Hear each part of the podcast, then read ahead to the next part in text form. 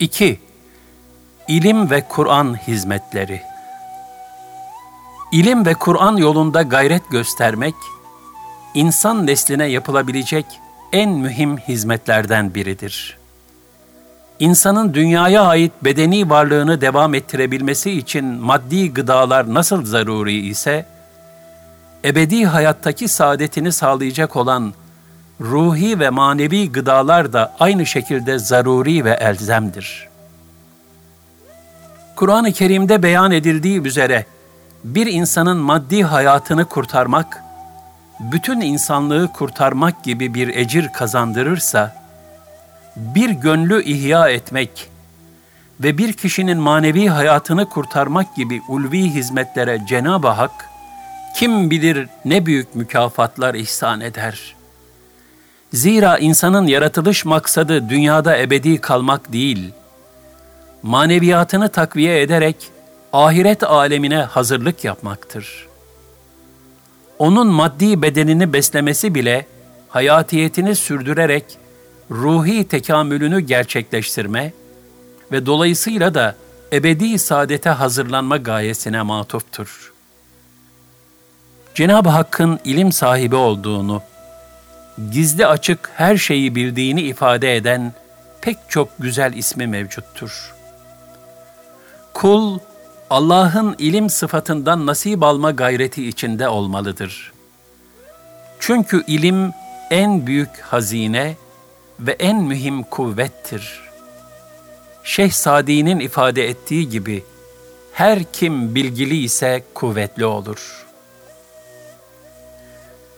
İlmin sadece sahibine değil, başka insanlara ve hatta canlı cansız bütün varlıklara da faydası dokunur.'' Zira hak ile batılı ayırmanın en mühim vasıtası ilimdir. İlmi nafi ile meşgul olmak, Allah rızasını kazanmak için tutulan en iyi yol ve en üstün ibadettir. İslam cehaletin her çeşidini reddetmiş ve kınamıştır. Çünkü cehaletin her türünde küfür ve isyandan bir hisse vardır. Hazreti Osman radıyallahu anh şöyle buyurmuştur. Cehalet öyle bir binektir ki, üzerine binen zelil olur. Arkadaşlık yapan yolunu kaybeder. Şunu da unutmamak gerekir ki, bütün ilimler Cenab-ı Hakk'ın kainata koyduğu kaideleri, yani sünnetullahı tespit gayretinden ibarettir.'' Öyleyse hakiki ilim sahibi olmak, o kaidelerden hareketle hikmet ve sırlara intikal edebilmek ve hatta orada da takılı kalmayıp o hikmet ve sırların mutlak menbaına ulaşabilmektir.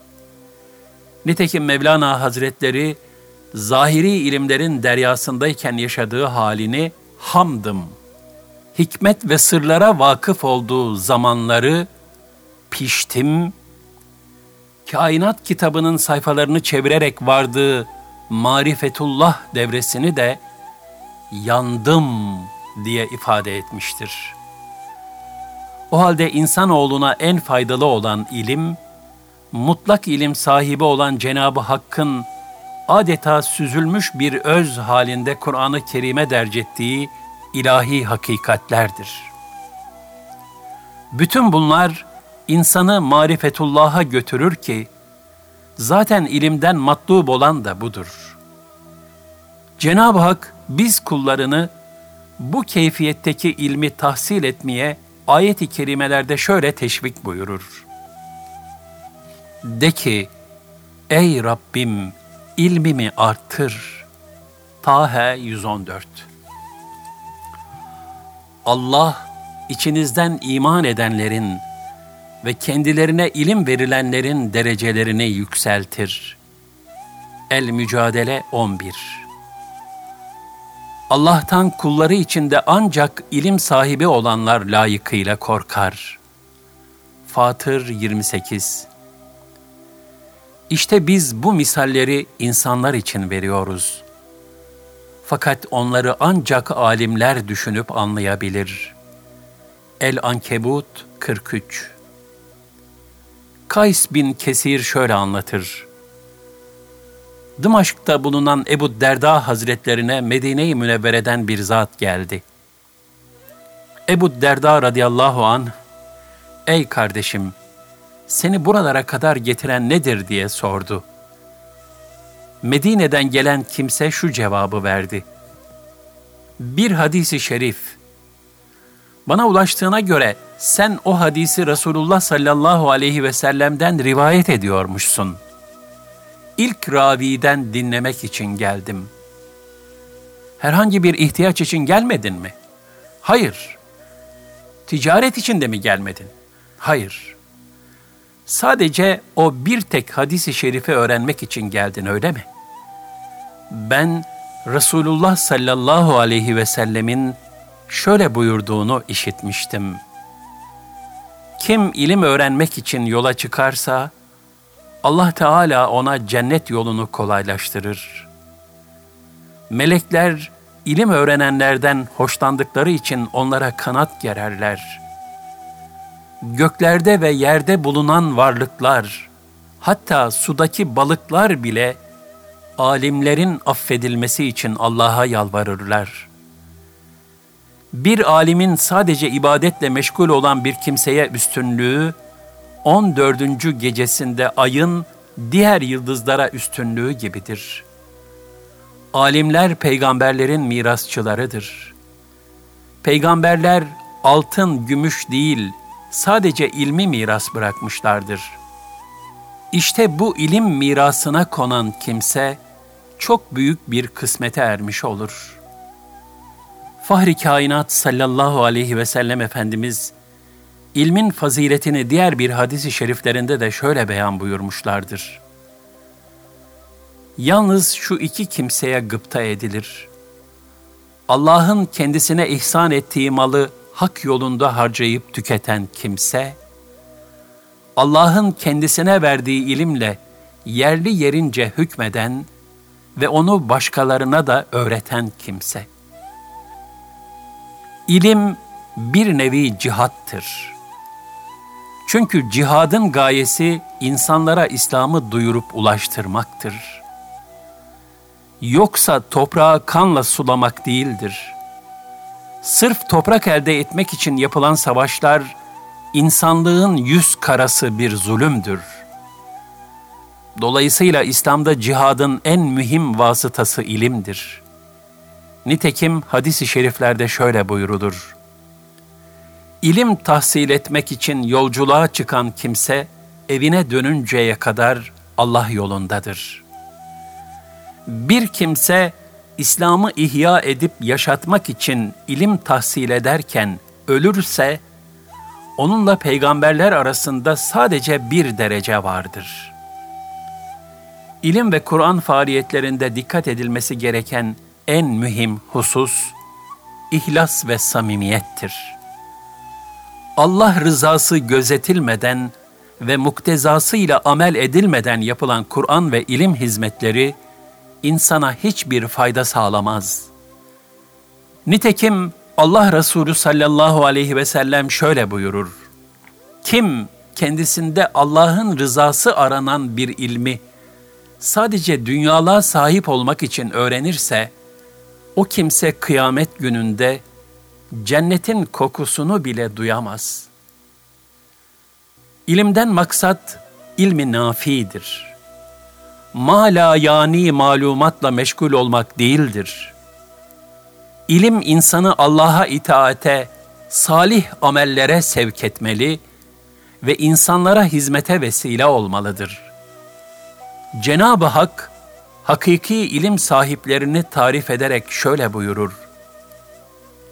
Yoksa gece saatlerinde, seherlerde secde ederek ve kıyamda durarak ibadet eden, ahiretten sakınan ve Rabbinin rahmetini arzulayan kimse o inkarcı gibi midir? Resulüm de ki, hiç bilenlerle bilmeyenler bir olur mu? Doğrusu ancak akıl sahipleri bunları hakkıyla düşünür. Ez-Zümer 9 Burada Rabbimizin methettiği alimler, geceleri secde ve kıyam halinde samimi olarak kulluğa devam eden, Allah Teala'nın ahiretteki hesabından ve azabından korkan, yani ahiret endişesi içinde olan, rahmeti sonsuz olan Rabbimizin merhametine nail olmayı uman ve bunun için gayret sarf eden kimselerdir. Ayette bahsedilen kıvama gelebilmek için gayret etmek ve duaya sarılmak icap eder. Zaten büyük ruhlar daima dua halinde yaşarlar. İlmin insana faydalı olması, onunla amel edilmesine bağlıdır.'' hayata intikal etmeyen bilgiler kitap satırlarında kalmaya veya zihinlerden silinip unutulmaya mahkum olur. Yezid bin Seleme radıyallahu an şöyle anlatır. Ey Allah'ın Resulü, sizden pek çok hadis işittim. Sonrakilerin önceden işittiklerimi unutturacağından korkuyorum. Bana hepsinin yerini tutacak şumullü bir söz söyleseniz dedim.'' Resulullah sallallahu aleyhi ve sellem bildiklerin hakkında Allah'tan kork. Yani onlarla amel et ki unutmayasın ve yenilerini öğrenebilesin buyurdular.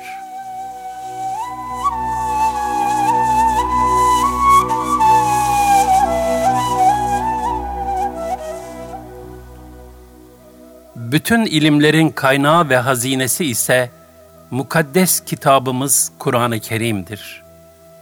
Bu sebeple en şerefli amel, Kur'an öğrenmek ve onun talimiyle meşgul olmaktır. Fahri Kainat sallallahu aleyhi ve sellem Efendimiz şöyle buyurmuştur. Kur'an-ı Kerim öyle bir kelamı ilahidir ki, o vuku bulacak her türlü fitneye karşı insanı selamete erdirir.'' Onda sizden öncekilerin haberleri, sizden sonrakilerin durumları, insanlar arasında meydana gelecek hadiselerin hükümleri vardır. O hak ile batılı birbirinden ayırır. Malayani değildir. Kendisini terk eden azgını Cenab-ı Hak helak eder. Onun dışında hidayet arayanı Allah dalalete düşürür.'' O Hak Teâlâ'nın sapasağlam ipi, zikri hakimi ve sırat-ı müstakimidir. Kendisine bağlananlar hiçbir zaman sapmaz. Onu söyleyen diller yanılmaz. Alimler ona doyamaz. Çok tekrar edilmekten dolayı tazeliğini asla kaybetmez. İnsanları şaşırtan mucizevi hususiyetleri bitip tükenmez.'' Cinler onu dinledikleri zaman gerçekten biz hayranlık veren bir Kur'an dinledik demekten kendilerini alamamışlardır.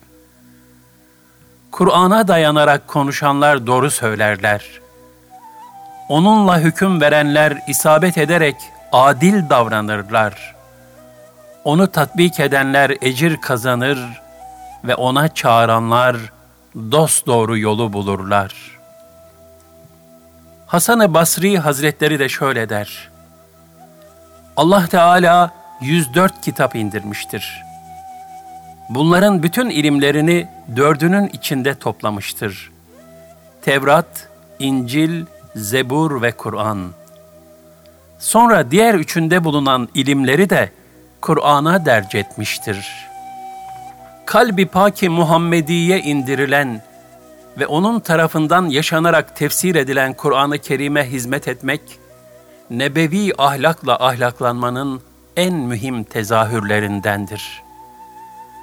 Nitekim sizin en hayırlılarınız Kur'an'ı öğrenen ve öğretenlerinizdir buyuran Allah Resulü sallallahu aleyhi ve sellem ümmetine her halükarda Kur'an'la meşgul olma hususunda zirve bir numune olmuştur.''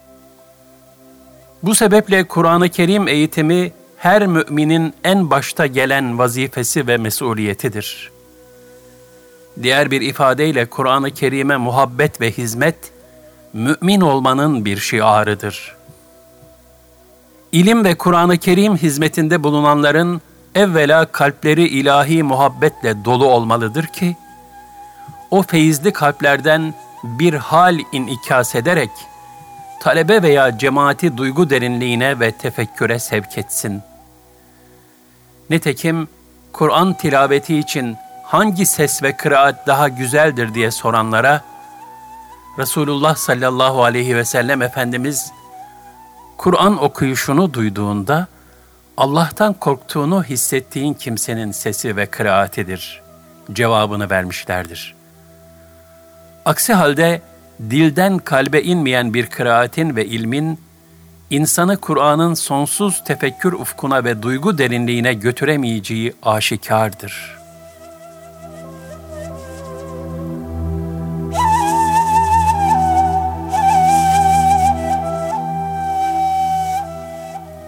Fazilet tabloları Enes radıyallahu anh'ın anlattığına göre Ebu Talha radıyallahu anh bir gün Peygamber Efendimiz sallallahu aleyhi ve sellemin yanına varmıştı. Resulullah sallallahu aleyhi ve sellemin ayakta Ashab-ı Suffe'ye Kur'an öğrettiğini gördü. Allah Resulü açlıktan iki büklüm olan belini doğrultmak için karnına taş bağlamıştı. İşte Resul Ekrem sallallahu aleyhi ve sellem Efendimiz ve ashabının en mühim meşguliyeti Allah'ın kitabını öğrenip öğretmek, anlayıp anlatmaktı. En büyük arzu ve iştiyakları da Kur'an'ı tekrar tekrar okumak ve dinlemekti. Cenab-ı Hak şöyle buyurur: Ne zaman sen bir işte bulunsan, ne zaman Kur'an'dan bir şey okusan, ve siz ne zaman bir iş yaparsanız, o işe daldığınız zaman biz mutlaka üstünüzde şahidizdir. Ne yerde ne de gökte zerre ağırlığınca bir şey Rabbinden uzak ve gizli kalmaz. Bundan daha küçüğü ve daha büyüğü yoktur ki apaçık kitapta levh-i mahfuzda bulunmasın. Yunus 61 Ayet-i kerimede evvela ne zaman bir işte bulunsan diye umumi bir ifade kullanıldıktan sonra bir de hususiyle Kur'an okumaktan bahsedilmesi ve Kur'an'ın öncesinde şan zamirinin kullanılması Allah Resulü sallallahu aleyhi ve sellem Efendimizin en mühim ve en büyük işinin Kur'an okumak olduğuna işaret etmek içindir.'' Şan zamiri herhangi bir ismin yerini tutmayan zamirlere denir. Bu zamirle önünde bulunan cümlelerin manası kastolunur. Yani önünde bulunan cümlenin manası ne ise zamirin manası da odur. Şan zamiri kendinden sonra gelen cümlenin manasını evvela kapalı olarak ifade eder, sonra gelen cümle de manayı vuzuha kavuşturur.'' Böylece muhatabın dikkati daha fazla çekilmiş ve ardından gelecek isim veya mananın şeref ve ehemmiyeti vurgulanmış olur. İşte Kur'an-ı Kerim hizmeti bu kadar şerefli ve faziletli bir ameli salihtir. Resulullah sallallahu aleyhi ve sellem bir gün mescide girince halka halinde oturmuş iki grupla karşılaştı. Gruplardan biri Kur'an-ı Kerim okuyor ve Allah Teala'ya dua ediyordu. Diğeri ise ilim öğreniyor ve öğretiyordu. Bunu gören Nebi-i Muhterem sallallahu aleyhi ve sellem Efendimiz, bunların hepsi hayır üzeredirler. Şunlar Kur'an-ı Kerim okuyor ve Allah Teala'ya dua ediyorlar. Allah dilerse onlara istediklerini verir, dilerse vermez.'' Şunlar da ilim öğrenip öğretiyorlar. Ben de ancak bir muallim olarak gönderildim buyurdu ve hemen ilimle meşgul olanların yanına oturdu. İlimle meşgul olanlar da Kur'an ve hadis ilmi tahsil ediyorlardı. Sadece Kur'an okumak da faziletli bir ameldir. Lakin mühim olan Kur'an ilmiyle meşgul olarak hüküm ve hikmetlerini anlamak ve mucibince amel etmektir. İlim ve Kur'an meclislerinin faziletini anlatan şu hadise ne kadar manidar ve ibretlidir. Ebu Vakıt el-Leysi radıyallahu anh anlatıyor. Bir gün mescitte Peygamber Efendimiz sallallahu aleyhi ve sellemin huzurunda bulunuyorduk. O esnada kapıda üç kişi göründü. Biri içeri girmeden gitti, diğer ikisi ise içeri girip Resul Ekrem sallallahu aleyhi ve sellemin yanına kadar geldiler. İçlerinden birisi halkada gördüğü bir boşluğa oturdu. Diğeri ise yer kalmadığı için ve kimseyi de rahatsız etmemek düşüncesiyle halkanın hemen arkasına oturuverdi. Allah Resulü sallallahu aleyhi ve sellem sohbetinin bir yerinde şöyle buyurdular. Size şu üç kişinin halini anlatayım mı? Halkaya oturan Allah Teala'ya sığındı, Allah da onu himayesine aldı. İkincisine gelince o kimse Allah'tan haya etti, edebe sarıldı. Allah Teala da o kulundan haya etti, onu azabından emin kıldı.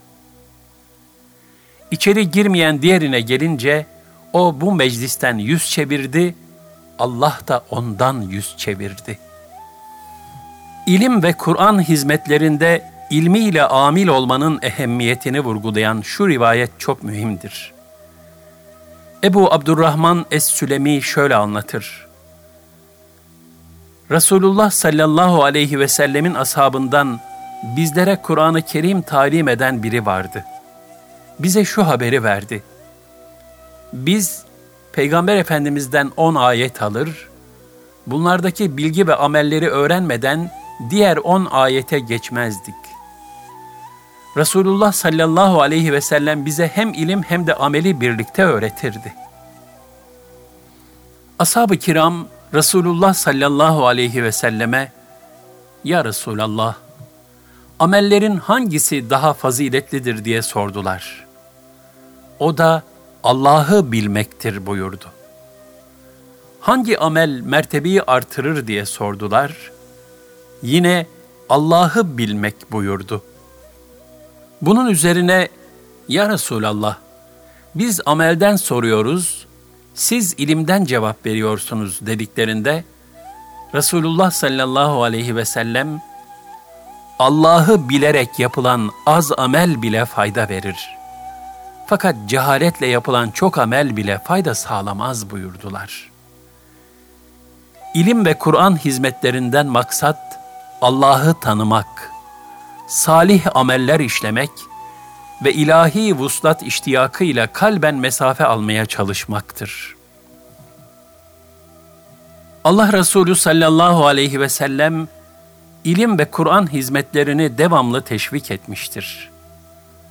Kur'an'ı iyi bilenlere her yerde kıymet vermiş, onlara daima öncelik tanımıştır. Efendimiz Aleyhisselatü Vesselam Tebük seferine çıkarken Neccar oğullarının sancağını Umare bin Hazm'a vermişti. Daha sonra Zeyd bin Sabit'i görünce sancağı Umare'den alıp ona verdi. Umare radıyallahu an Ya Resulallah bana kızdınız mı diye sorunca Peygamber Efendimiz sallallahu aleyhi ve sellem hayır vallahi kızmadım. Fakat siz de Kur'an'ı tercih ediniz. Zeyd Kur'an'ı senden daha çok ezberlemiştir. Burnu kesik zenci köle bile olsa, Kur'an'ı daha çok ezberlemiş olan kimse başkalarına tercih edilir buyurdu. Evs ve Hazreç kabilelerine de sancaklarını Kur'an-ı Kerim'i daha çok ezberlemiş olan kimselere taşıtmalarını emretti. Bunun üzerine Avf oğullarının sancağını Ebu Zeyd, Beni Selime'nin sancağını da Muaz radıyallahu an taşıdı. Hazreti Peygamber sallallahu aleyhi ve sellem Yemen'e bir heyet gönderecekti. Onların yaşça en küçüklerini başlarına emir tayin etti. Kafile birkaç gün bekledi, bir türlü yola çıkamadı. Resulullah sallallahu aleyhi ve sellem onlardan biriyle karşılaştı ve ''Ey filan, sana ne oldu, hala Yemen'e gitmedin mi?'' buyurdu. Adam, ''Ey Allah'ın Resulü, emirimizin ayağı rahatsızlandığı için gidemedik.'' dedi. Peygamber Efendimiz Aleyhisselatü Vesselam emirin yanına geldi, onun ayağına üfleyerek yedi defa Allah'ın ismiyle, Allah ile Allah'a sığınıyorum. Burada olanın şerrinden Allah'ın kudretine sığınıyorum dedi. O kişinin ayağı iyileşti. İhtiyarlardan birisi, ey Allah'ın Resulü, o yaşça en küçüğümüzdür. Sen bize onu emir mi tayin ediyorsun diye sordu. Fahri Kainat Efendimiz sallallahu aleyhi ve sellem, onun Kur'an'ı iyi bildiğini hatırlattı. İhtiyar, ey Allah'ın Resulü, eğer Kur'an'ı ezberledikten sonra uyuyarak ona saygısızlık etmekten ve onunla amel edememekten korkmasaydım ben de öğrenirdim dedi. Resulullah sallallahu aleyhi ve sellem de şöyle buyurdu. Kur'an'ı öğren. Zira Kur'an içi misk doldurulup ağzı bağlanan bir kırbaya benzer. Kırbanın ağzını açarsan ondan güzel bir misk kokusu çıkar. Olduğu gibi bırakırsan koyduğun yerde durur ve kokusu çıkmaz. İşte Kur'an da buna benzer. Okuyup amel ettiğinde ondan istifade edersin. Sadrında kalırsa ondan layıkı veçiyle istifade edememiş olursun.''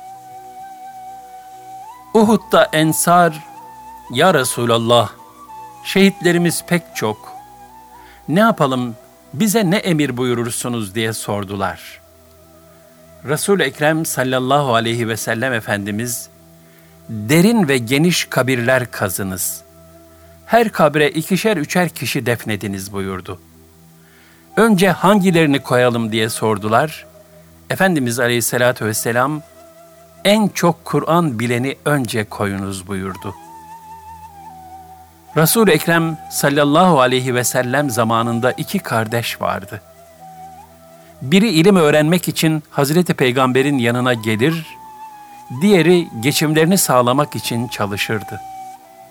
Çalışan kardeş bir gün diğerini çalışıp kazanmıyor diye Allah Resulüne şikayet etti. Resulullah sallallahu aleyhi ve sellem ona, belki de sen onun sayesinde iş buluyor ve rızkını kazanıyorsun buyurdu. Allah Teala bizlere Musa aleyhisselamın ilim öğrenmek için duyduğu iştiyakı ve bu uğurda katlandığı meşakkatleri misal vermektedir. Ayet-i kerimede şöyle buyrulur. Hani Musa hizmetkarına durup dinlenmeyeceğim.'' ta iki denizin birleştiği yere kadar varacağım yahut senelerce yürüyeceğim demişti. El-Kehf 60 Nihayet Hazreti Musa Hızır aleyhisselamla karşılaştığında muallimin yanındaki talebe edasına büründü ve ona şöyle dedi. Allah tarafından sana öğretilen rüştü, hakikate ulaştıracak ilim ve hikmeti bana da öğretmen için sana tabi olabilir miyim?'' El-Kehf 66 Selam verdikten sonra sözüne kendisine tabi olmak için izin isteyerek ve ancak izin verdiği takdirde yanında bulunacağını ifade ederek başladı. Ardından Allah'ın sana öğrettiği rüştü, ilim ve hikmeti bana da öğretmen için ifadesini kullandı.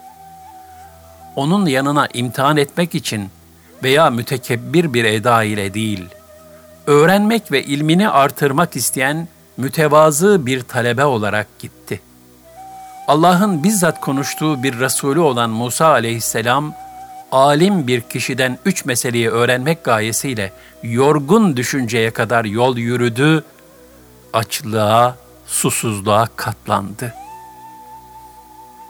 Rivayet olunur ki İlyas aleyhisselam ölüm meleğini görünce dehşet içinde ürperdi. Azrail aleyhisselam bunun sebebini merak ederek, ''Ey Allah'ın peygamberi, ölümden mi korktun?'' diye sordu. İlyas aleyhisselam cevaben, hayır, ölümden korktuğum için değil, dünya hayatına veda edeceğim için bu haldeyim dedi. Sonra sözlerine şöyle devam etti. Dünya hayatında Rabbime kulluk yapmaya, iyilikleri emredip kötülüklerden men etmeye gayret ediyor, vaktimi ibadet ve ameli salihlerle geçiriyor, güzel ahlakla yaşamaya çalışıyordum. Bu hal benim huzur kaynağım oluyor, gönlüm sürur ve manevi neşelerle doluyordu. Ölünce bu zevkleri ve lezzetleri yaşayamayacağım ve kıyamete kadar mezarda rehin kalacağım için üzülmekteyim dedi.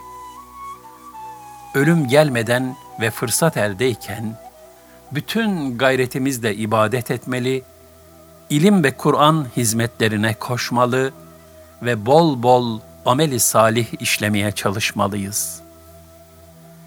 Küleyb bin Şihab anlatıyor. Ali bin Ebi Talip radıyallahu an Küfe mescidinden sesler yükseldiğini duyunca ne olduğunu sordu. Kendisine bazı kimseler Kur'an okuyor ve öğreniyorlar denildi. Hazreti Ali radıyallahu an ne mutlu onlara. Onlar Resulullah sallallahu aleyhi ve sellem nezdinde insanların en sevgilileriydiler dedi.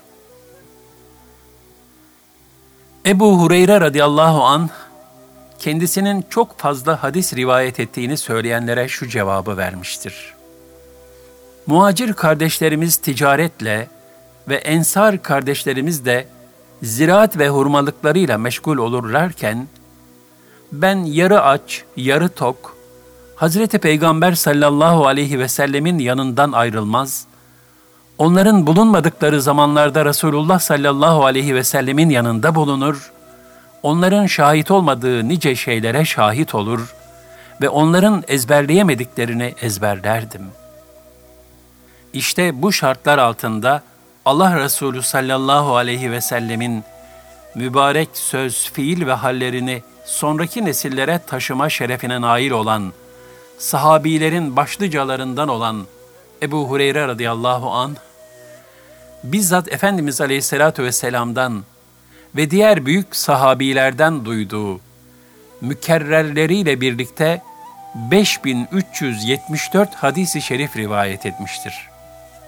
Böylece en çok hadis rivayet eden sahabi olmuştur. Bu mübarek sahabiden 800'den fazla sahabi ve tabii hadis rivayet etmiştir. Ashab-ı kiram Kur'an talimini büyük bir tazimle ifa ederlerdi.